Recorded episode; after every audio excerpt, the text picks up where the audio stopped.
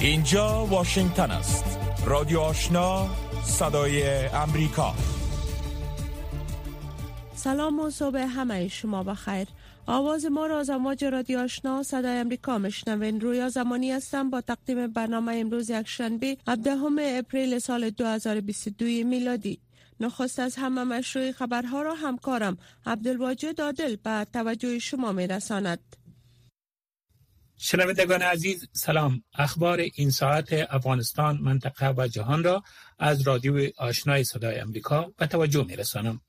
وزارت خارجه افغانستان اعلام کرد که مقامات طالبان روز شنبه سفیر پاکستان در کابل را برای اعتراض به حملات نظامی نیروهای پاکستانی در داخل افغانستان احضار کردند.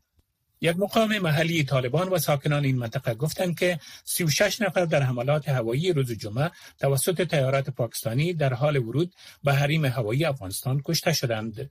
نجیب الله حنیف رئیس اطلاعات و فرهنگ ولایت خوست به صدای امریکا گفت که این حملات راکتی شب گذشته بر منطقه چوگام ولسوالی شلتن این ولایت صورت گرفت. پاکستان انجام این حملات را رد کرد. اسلام آباد مدعی است که شنبه نظامیان با عبور از مرزهای غربی غیرقانونی پاکستان با افغانستان حملاتی را در داخل پاکستان انجام می دهند. مقامات طالبان می‌گویند که از زمان تصرف این کشور در ماه آگست در سال گذشته این حملات را کنترل کردند. زبیح الله مجاهد سخنگوی امارت اسلامی افغانستان در تویترش نوشت حملات پاکستان بر پناهجویان در خوست و کنر را به شدت محکوم می کند.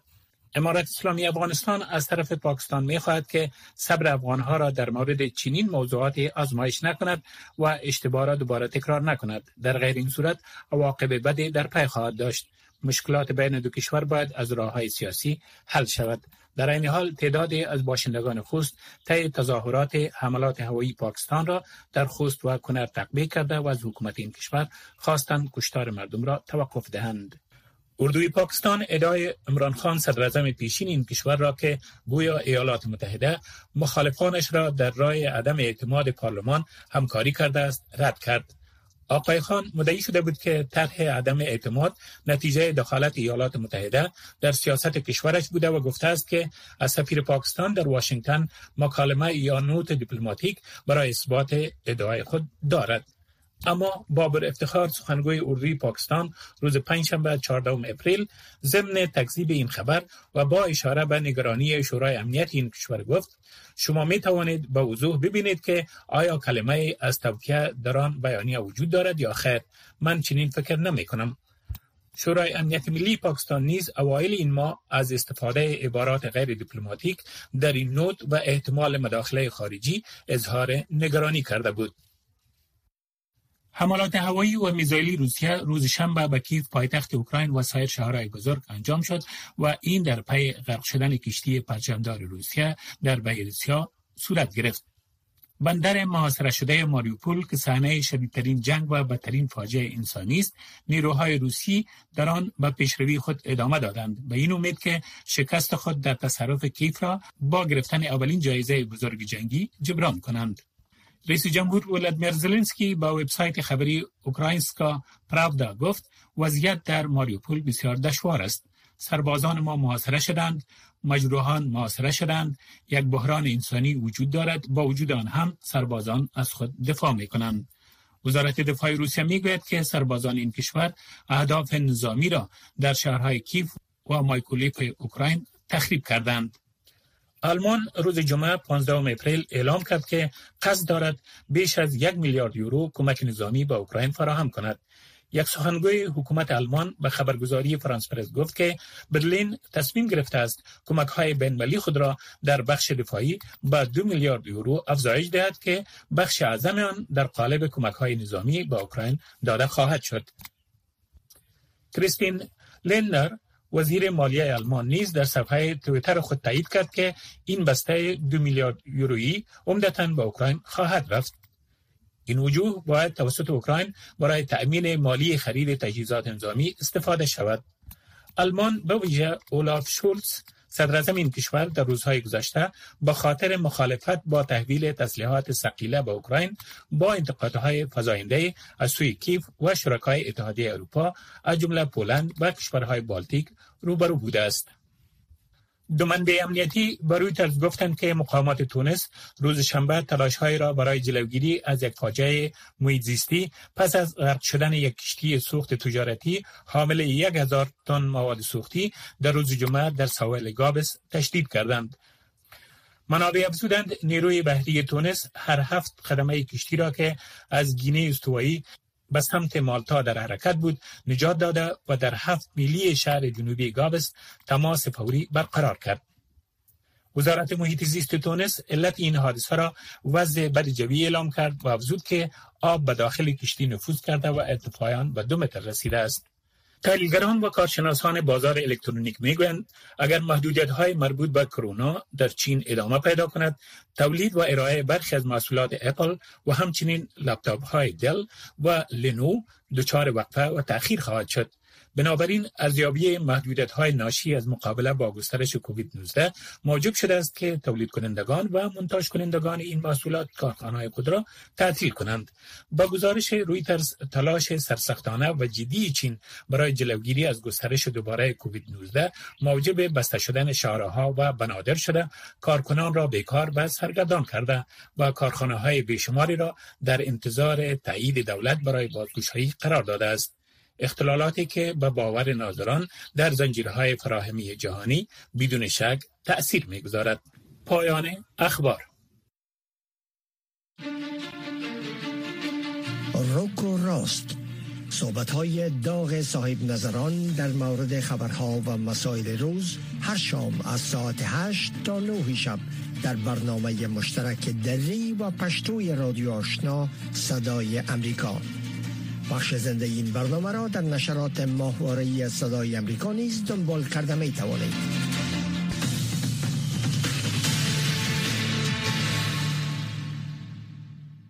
شنونده های محترم شما مشروع خبرها را شنیدید و حالا می پردازیم به گزارش های این بخش برنامه از امواج رادیو آشنا صدای امریکا قرار است که نشست چهارجانبه افغانستان، ایران، پاکستان و کمیشنری عالی ملل متحد در امور پناهجویان برای بررسی وضعیت مهاجرین افغان در ایران و پاکستان برگزار شود.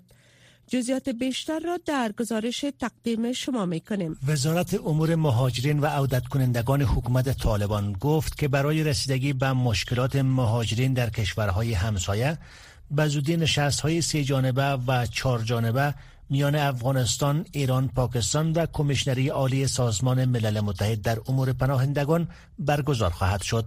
سید عبدالباسد انصاری عضو ارشد بخش مطباتی این وزارت به صدای امریکا گفت که هدف اساسی این نشست ها کمک به مهاجرین افغان از رهگذر دسترسی به خدمات مسائل حقوقی چون آموزش صحت و سایر زمینه هاست آقای انصاری افزود که احتمال دارد این نشست ها در اواخر ماه روان یا هم اوایل ماه آینده برگزار شود. حالت موجود که در ایران و پاکستان ما از مهاجرین خود داریم در این مورد هم صحبت خواهد شد و تلاش بری است و هدف نشستم این است که یک بار بررسی شود وضعیت مهاجرین ما و در کل اینکه چه کاری باید انجام شود و چه خدمات باید عرضه شود و حکومت های میزبان در این راستا در قبال مهاجرین ما چه می‌کنند تحت مدیریت نظام موجود در افغانستان. همچنان وزارت امور مهاجرین اطمینان دارد که این نشست ها بدون شک موثریت خود را خواهد داشت. آصف استانگزی رئیس مرکز حمایت و بهبود امور مهاجرین افغان در ایران گفت که نشست ها در حال برگزار می شود که به دنبال تحولات سیاسی در افغانستان صدها هزار مهاجر راهی ایران شده و در بخش های مختلف دچار مشکلاتند. خانم استانگزی افزود که برگزاری چنین نشست ها می تواند در ساماندهی مهاجرین بدون مدرک در ایران دسترسی به حق آموزش و همچون خدمات بهداشتی تاثیرات مثبت بگذارد. با توجه به اینکه این نشست با حضور هر چهار جانب هسته در راستای بهبود روابط افغانستان با کشورهای همسایش و جامعه بینالملل تاثیرات مثبت خواهد داشت. از طرف دیگه توقعی که ما از این نشست داریم این هستش که جامعه بینالملل کمک های مالی به کشورهای مهاجرپذیر مثل ایران و پاکستان بیشتر کنه و این موضوع باعث میشه که کمک های مالی برای مهاجرین اتفاق بیفته. و از طرف دیگه کسانی که فاقد مدرک هستند برای ساماندهی از اینا برنامه هایی در واقع بهتر است انجام بشه. عنایت الله الکوزی یکی از مهاجرین افغان در ایران به صدای امریکا گفت که پس از واقع حمله بر طلبه های مدرسه در مشهد که منجر به مرگ سیتن شد مهاجرین روزگار خوش در ایران نداشتند. و گفته آقای علکوزی شمار از ایرانی ها به گونه خودسر به آزار و اذیت مهاجرین پرداختند که سرانجام توسط نیروهای امنیتی اوضاع به کنترل درآمد و اکنون وضعیت قناعت بخش است. فعلا اوضاع به گونه نرمال است. البته در همین چند روز گذشته اوضاع به گونه بود که مهاجران در هیچ جای احساس امنیت نمی‌کردن. همه به گونه سراسیمه شده بودن و فکر می‌کردن که شاید مورد آزار زیاد قرار بگیرن و یا هم دستگیر بشن و رد مرز بشن و تعدادی هم در همون روزها از ابتدا رد مرز گردیدن. نشست سه جانبه افغانستان ایران و پاکستان و همچنین نشست چهار جانبه این کشورها و کمیشنری عالی ملل متحد در امور پناهندگان در حال برگزار خواهد شد که طی روزهای اخیر تنشها میان طالبان و ایران به دلیل ادعای بدرفتاری با مهاجرین افغان در ایران افزایش یافته است. بر علاوه تظاهرات برخی از شهروندان افغان در کابل، هرات و خوست،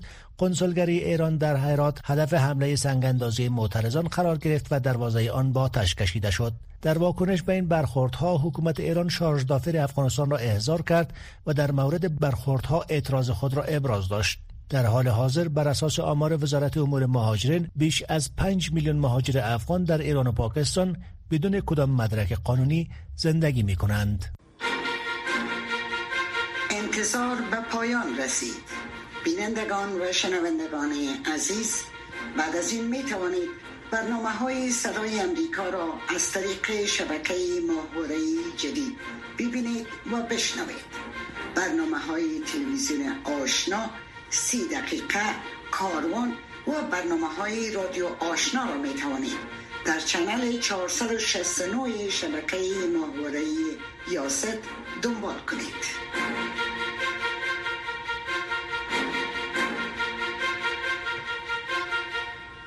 طالبان برخلاف تعهداتشان به تاریخ سوم حمل روز نخست سال تعلیمی جدید یک بار دیگر اعلام کردند که مکاتب متوسطه و لیسه دختران برای مدت نامعلوم مسدود باقی خواهد ماند. با آنکه حدود هشت ماه از حاکمیت این گروه در افغانستان میگذرد و با وجود فشارهای جامعه جهانی تا هنوز حکومت طالبان برای بازگشایی مکتب های دخترانه اقدام نکرده است. اصلا علوی آگاه مسائل حقوقی در مصاحبه با رادیو آشنا صدای امریکا می‌گوید که طالبان با وجود مخالفت های درونی که پیرامون این موضوع دارند می‌خواهند از کشورهای منطقه و جهان امتیازگیری کند.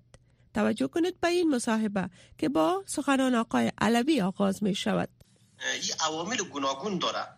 مهمترین عاملی عامل درونی هست عامل داخلی هست.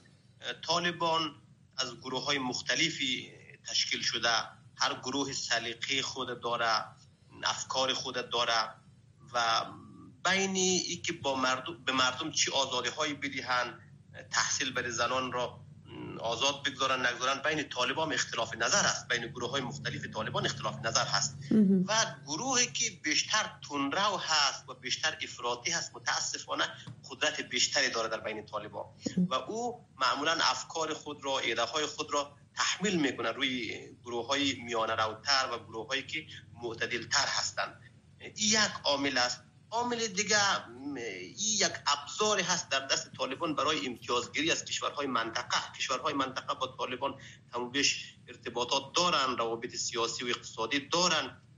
ولی اینا می‌خواین که اونا بیشتر با طالبان تعامل کنه به نحوی به سوی به رسمیت شناختن طالبان قدم برداره. و عامل سوم عامل جهانی است عامل بین المللی است. طالبان از دنیا توقع داره که حکومت طالبا یا با دولتی که فعلا در افغانستان حاکم است که همین گروه طالبان هست با اینا تعامل کنه با اینا خلاص همکاری ها داشته باشه اینا را از تحریم های گوناگون خارج کنه رفع تحریم کنه و یک سری تعهداتی که در قبال از اینا داده بود در مذاکراتی قبلا داشت او تعهدات خود دنیا عمل کنه و این به عنوان ابزار فشار روی دنیا این موضوع محکم گرفته روی این موضوع دست گذاشته بله آقای علوی شما دلایل که یادآور شدین در میان این دلایل شما یکی را مخالفت های درونی طالبا یادآور شدن به نظر شما گروه های تنروی که بیشتر برخلاف یا خلاف بازگشایی مکاتب دخترانه بالاتر از سنف ششم از کدام گروه می باشه؟ بیشتر گروه های هست که با پاکستان روابط تنگ داشتن با آیسای سازمان استخبارات نظامی پاکستان سازمان استخبارات ارتش پاکستان اینا هستن. معمولا گروه بیشتر گروه حقانی شبکه حقانی و گروه های نزدیک به افکار شبکه حقانی. اینا خیلی تندرو به خصوص مخالف تحصیل زنان مخالف آزادی های مدنی آزادی های فردی آزادی مطبوعات آزادی بیان آزادی این چیزها هستن. اینا قدرت بیشتری هم دارن و روابطی هم با کشورهای تاثیرگذار منطقه دارن. مثلا خب آقای علوی فشارهای جامعه جهانی برای بازگشایی مکاتب جریان داره به نظر شما چرا جامعه جهانی خود اقدام نمی‌کنه؟ یعنی درخواست ها یا خواسته هایی که طالبا داره بر رسم شناختن طالبا یک از این شروط می باشه پس چرا جامعه جهانی برای رفع این مشکلات در داخل افغانستان اونا خواسته های طالبا را نمیپذیرن؟ جامعه جهانی هم اینجا یک صدا نیستن یک دست نیستن هم نظر نیستن اختلاف نظر دارن. کشورهای منطقه نظر خاص خود دارن با توجه به منافع ملیشان با توجه به روابطشان با طالبا و با یک دیگر اختلاف نظر دارن. بعضی علاقمند مثل چین و روسیه خیلی علاقمند که به همین زودی ها طالبا باید به رسمیت شناخته شود. مثلا کشورهای عربی و ایران حتی اینا طرفداری به رسمیت شناخته شدن خیلی زودی طالبان نیستن.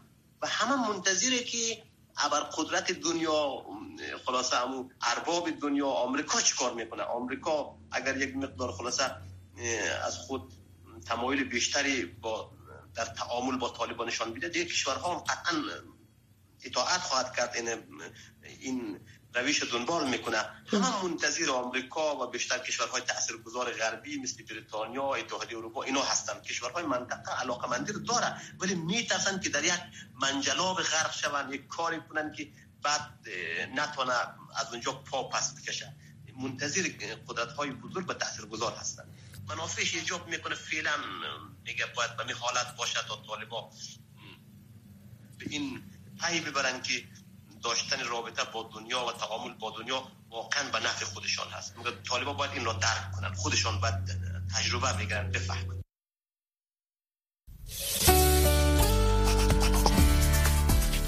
شنوندگان گرامی رادیو آشنا صدای امریکا. نشرات رادیو آشنا را در موج متوسط 1296 موج کوتاه 11575 اشاری صفر و در موج 972 کیلوهرتز شنیده می توانید. در ایالت ونکوور کانادا جریان آزاد معلومات در مورد جنگ روسیه علیه اوکراین محور اصلی کنفرانس تد یا کنفرانس تکنولوژی محیط زیست و طراحی بود. این نخستین گرد همایی سخنرانان این کنفرانس بود که از زمان شروع همگیری کووید 19 تا کنون برگزار شده است. گریک مکالو خبرنگار صدای آمریکا در این مورد گزارش دارد که برگردان در آن را از لیلما حبیب عظیمی می‌شنوید کلینگ چند روز پس از انتشار گزارش های مبنی بر انتشار تصاویر ماهواره‌ای مبنی بر ارتکاب جنایات جنگی احتمالی توسط روسیه در اوکراین صحبت کرد او به صدای امریکا گفت یکی از بهترین راهها برای حفظ جریان اطلاعات به اوکراین و روسیه این است که شهروندان در هر دو کشور از شبکه های خصوصی مجازی یا VPN در اینترنت استفاده کنند. فکر می کنم که داده ها و تحقیقات منابع آزاد و باز نقش بسیار مهمی دارد. به نوعی که برای ارائه معلومات درست و ارائه آن اطلاعات به گونه کمک کند که هر کسی با آن رجوع کرده بتواند و آن را بررسی نماید. اما کلینگ اضافه می کند که اطلاعات مانند همیشه باید واقعی بررسی شوند. وکتور اسکندر سخنران دیگر که وبسایت وبلاگ نویسی را در سال 2007 برای مبارزه با رسانه های تحت کنترل دولت در قرقیزستان راه اندازی کرد اداره می کند می گوید که اگر دولت ها می خواهند وبسایت ها را مسدود کنند هرچی بیشتر بهتر. به نظر من بدترین وضعیت زمان است که چند رسانه مسدود می شود اما 95 درصد در دسترس است. و مردم بر رسانه هایی که مسدود شده است اهمیت نمی دهند زیرا آنها هنوز معلومات بیشتر را در دسترس دارند. اما زمانی که شما حدود 50 درصد از رسانه ها را مسدود کنید محتوا را مسدود می کنید آنگاه مردم اهمیت می دهند کاترین منگو وارد مدیر مسئول مجله ریزن می گوید در حالی که سایت های رسانه های اجتماعی می توانند نقش مهم در انتشار اطلاعات فیلتر نشده از منابع در دست داشته ایفا کنند مهم است که تمرکز بر روی این را که چی کسی و چرا سانسور را انجام می دهد از دست ندهیم. من فکر می کنم مردم واقعا می توانند درگیر بحث درباره اطلاعات نادرست در فیسبوک شوند. و می دانید کسانی که از توییتر محافظت می کنند می توانند فراموش کنند که یک تهدید بسیار بسیار تری وجود دارد و آن اینکه دولت های اقتدارگرایی هستند که صرف اطلاعات و معلومات واقعی را در حال حاضر مسائل بسیار مهمی مانند نقش روسیه در اوکراین را در تنگنا قرار می دهند. ایلان ماسک میلیاردر چند ساعت پس از اعلام پیشنهاد خرید 43 میلیارد دلاری توییتر در کنفرانس حاضر شد. یکی از بنیانگذاران سازنده موتورهای برقی یا الکترونیکی تسلا گفت شکل و پلتفرم رسانه های اجتماعی را تغییر خواهد داد. از جمله به کاربران اجازه می دهد تا توییت ها را پس از ارسال آنها ویرایش کنند شنونده های محترم به دنبال حملات تازه روسیه بر کیف مقامات اوکراینی هشدار دادند که حملات میزایلی روسیه ممکن افزایش پیدا کند. روسیه با تایید این حملات می‌گوید که اهداف نظامی را از بین برده. جهت اشتراک در نشست سالانه صندوق وچی بین المللی و بانک جهانی به زودی وارد واشنگتن شود. رئیس جمهور اوکراین تحریم ها بر روسیه را برای مسکو در داور خوانده است اما افزوده است که برای توقف اردوی روسیه کافی نیست. سید عزیز الرحمن با جزیات بیشتر این موضوع مقامات اوکراینی می‌گویند که روسیه اوایل روز شنبه کیف پایتخت اوکراین و شهر غربی لویو را مورد حملات میزایلی قرار داد. شاروال کیف گفته است که در نتیجه این حملات حداقل یک غیر نظامی کشته و چند تن دیگر مجروح شده اند. وزارت دفاع روسیه می‌گوید که اهداف نظامی را در شهرهای کیف و مایکولیو از بین برده است. ساختمان های تولید تانک در کیف و تاسیسات حفظ و مراقبت تجهیزات سنگین زرهی در مایکولیو از بین برده شد. 16 هدف دشمن توسط میزایل های شلیک شده از هوا در جریان شب از بین برده شد. روسیه یک روز قبل گفت که حملات بیشتر را بر کیف انجام خواهد داد و افزود که یک کارخانه تولید و ترمیم میزایل با شمول میزایل های ضد کشتی را توسط میزایل های کروز هدف قرار داده است. این حمله پس از غرق شدن یک کشتی جنگی روسیه در بحیره سیا صورت گرفت. اوکراین گفته است که اصابت میزایل های آن کشور بر این کشتی موجب غرق شدن آن شد. ولی روسیه می‌گوید که این کشتی در زمان انتقال و پس از آتش ناشی از انفجار مهمات غرق شد و بیش از 500 عمله آن نجات داده شد. یک مقام ارشد امریکایی گفته است که با باور ایالات متحده این کشتی توسط دو میزایل اوکراین هدف قرار گرفت و تلفات نیزتر پی داشت. ولی افزوده است که رقم دقیق تلفات معلوم نیست. اردوی اوکراین می‌گوید که حضور کشتی های جنگی روسیه در منطقه بیانگر احتمال افزایش حملات آن کشور بر اوکراین می باشد. در آبهای آزودوف کشتی های دشمن به مموریت محاصره شهر ماریوپول و حمایت جنگی خود ادامه می دهد. حضور کشتی های روسی مجهز با میزایل میزان تهدید استفاده این میزایل ها علیه تاسیسات اردو و زیربناهای لوجستیکی کشور ما را افزایش می دهد. ولادیمیر زلنسکی رئیس جمهور اوکراین تحریم ها بر روسیه را برای مسکو درد آور خوانده اما افزوده است که برای توقف اردوی روسیه کافی نیست و بار دیگر از کشورهای جهان خواسته تا واردات نفت روسیه را توقف دهند. در عین حال روزنامه واشنگتن پست با نقل از منابع آگاه گزارش داده است که آقای زلنسکی اخیرا در یک تماس تلفنی از جو بایدن همتای اوکراینی خود خواسته است تا روسیه را به عنوان دولت حامی تروریسم معرفی کند. قصر سفید در واکنش به این قضیه گفته است که برای افزایش فشار بر رئیس جمهور روسیه واشنگتن بر همه گزینه ها غور خواهد کرد.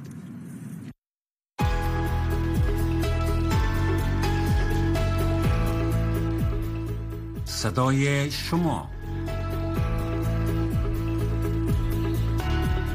صدا و نظریات شما در مورد مسائل سیاسی اقتصادی فرهنگی اجتماعی و صحی از ساعت ده تا دو شب در برنامه مشترک دری و پشتوی رادیو آشنا صدای امریکا.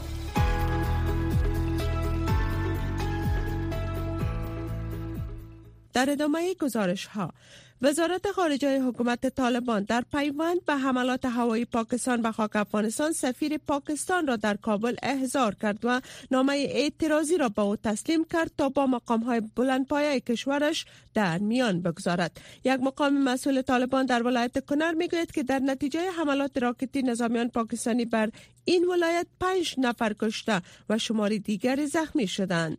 در این حال برخی از باشندگان ولایت خوست نیز می‌گویند که نظامیان پاکستانی بخشای از این ولایت را بمباردمان کردند که در نتیجه آن به غیر نظامیان تلفات سنگین وارد شده است. جزیات بیشتر را در گزارش میشنوید که نجیب خلیل به توجه شما میرساند. به دنبال حملات راکتی و هوایی نظامیان پاکستانی بر های از ولایت کنر و خوست وزارت خارجه حکومت طالبان منصور احمد خان سفیر پاکستان در کابل را احضار کرد. حافظ زیا احمد معاون سخنگوی وزارت خارجه طالبان امروز شنبه در پیام به خبرنگاران گفت که امیرخان متقی سرپرست این وزارت حملات نیروهای پاکستانی بر بخشهای این ولایت ها را محکوم کرده و خواستار توقف آن شده است. افغان لوري د پاکستانی ځواکونو له لوري تازه د خوست او کونړ په ځینو سیمو کې تر سره شوی بریدونه وغندل او په ټینګار سره د بیا تکرار د مخنیوي غوښتنه وکړه متقي صاحب ویل د خوست او کونړ په شمول د ټولو نظامی تخطیو مخنیوي دی وشي او دغه ډول پیښې د دواړو همسایه هیوادونو ترمنځ اړیکې ترنګلې کوي چې له همدې ترنګلې حالت څخه به د دواړو هیوادونو بدخواهان او مغرضي کړي سوء استفاده وکړي او بدی پایلې به ولري برخی از باشندگان ولایت خوست مدعیند که شب گذشته نظامیان پاکستان بخش های این ولایت را بمباران کردند که در نتیجه آن به غیر نظامیان تلفات سنگین وارد شده است. ناچابي ډرون الوتکه راغله سو دوري وکړه پاسه جټ الوتکه راغله په 15 منټو کې په ما باندې کور سټ بخواړ واته کور چر دیوالی چې کومه د لمان ځای یو ځپه خاوې کې ډوب وم. ما ته هیڅ پته نه ولګه خو دومره خبر شوم چې زره جک شوم چې محمد کې برید شوی دی په میر سفر کې وشو په ګونی کې دوه درې ځای وشو کنه ډېر کسان ترمنځ په میر سفر کې په محمد کې دوه وشتي کا دروښ نه پر دی او موږ په ګونی کې چې کومه دوه اتنه پر دی زما خپل فامیل چې کومه یو بچای را پاتې شو نور مې شپږ وړه لاړل گفته می شود که بیشترین طرفات به مهاجرین وزیرستانی وارد شده است که از سالها به این سو در بخش های ولسوالی سپیره ولایت خوست زندگی می کنند. مقام امنیتی طالبان در ولایت خوست حمله هوایی نظامیان پاکستانی بر بخش های ولسوالی سپیره این ولایت را تایید کرده و گفت که هدف این حملات مهاجرین وزیرستان بوده است. یک مقام محلی طالبان و ساکنان این منطقه گفتند که 36 نفر در حملات هوایی روز جمعه توسط تیاره پاکستانی کشته شدند. پاکستان انجام این حملات را رد کرد. اسلام آباد مدعی است که شبه نظامیان با عبور از مرزهای آن کشور حملاتی را در داخل پاکستان انجام می دهند. اما مقام های طالبان می گویند که از زمان تصرف این کشور در ماه آگست سال گذشته این حملات را کنترل کردند. تصاویر ویدیویی نشر شده در صفحات اجتماعی نشان می دهد که صدها نفر از باشندگان ولایت خوست دست به اعتراضات زده حملات هوایی پاکستان را تقبیح کرده و شعار مرگ بر پاکستان را فریاد می زدند. صدای امریکا صحت و زمان ثبت این ویدیوها را به گونه مستقل تایید کردن نمی تواند. از سوی دیگر مقام های طالبان در ولایت کنر می‌گویند که حملات راکتی نظامیان پاکستانی بر منطقه چوگام ولسوالی شلتن این ولایت منجر به کشته شدن پنج نفر و زخمی شدن شمار دیگر شده است. گفته می شود که تمامی قربانیان این حملات راکتی اعضای یک خانواده که در میان آنان زنان و کودکان نیز شاملند. این بود برنامه های صبحگاهی رادیو آشنا. صدای امریکا که تقدیم شما شد. امیدوار هستیم که مورد توجه شما قرار گرفته باشد. برنامه های رادیو آزادی آغاز می شود